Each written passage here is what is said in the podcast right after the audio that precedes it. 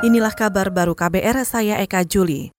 Saudara pemerintah menyerukan seluruh fasilitas umum di mana saja berada disemprot disinfektan setiap hari. Menteri BUMN Erick Thohir mengatakan, seruan itu disampaikan Presiden Joko Widodo sebagai bentuk antisipasi meluasnya wabah COVID-19.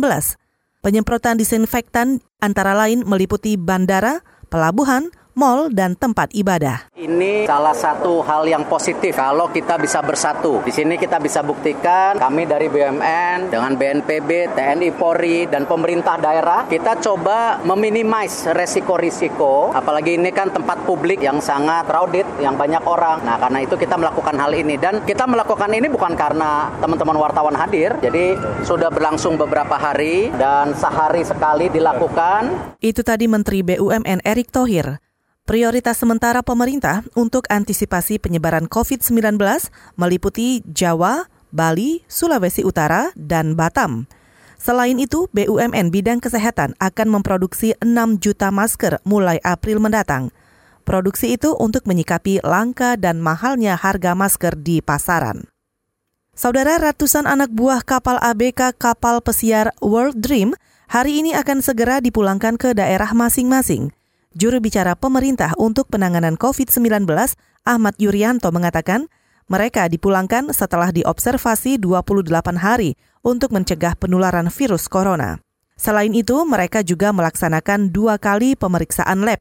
Dari pengecekan itu, seluruh ABK yang menjalani observasi dinyatakan negatif virus corona. 188 itu besok kalau nggak salah ya pulang ya. Besok dijemput pakai KRI Semarang dibawa ke Kolin Lamil di mana eh, Priok kemudian di situ diserahkan kepada perwakilan pemerintah daerah dan kemudian pulang.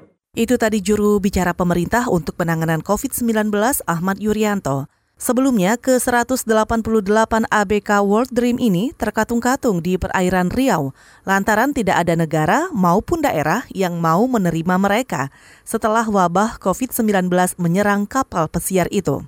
Setelah beberapa hari berada di perairan Riau, pemerintah akhirnya memutuskan untuk menjemput mereka dengan kapal TNI Angkatan Laut Dr. Suharso untuk diobservasi di Pulau Sebaru, Jakarta.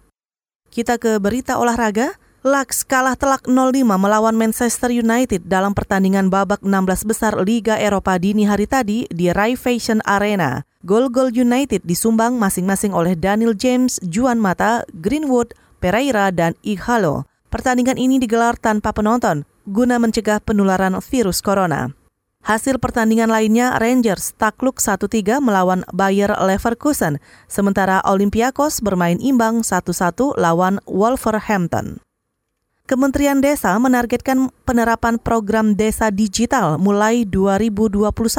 Salah satu program desa digital adalah penerapan sistem non-tunai dalam pelaksanaan program desa.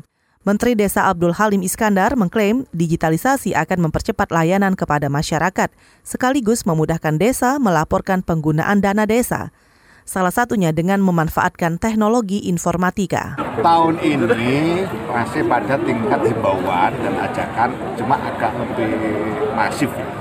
Tapi tahun 2021 sudah kita target harus ada sekian desa digital, termasuk salah satunya adalah salah satu adalah pengelolaan dana desa dengan menggunakan cashless non Menteri Desa Abdul Halim Iskandar juga memastikan penerapan program desa digital dapat mengurangi potensi kebocoran dana desa dan memudahkan kepala desa mempertanggungjawabkan keuangan desa.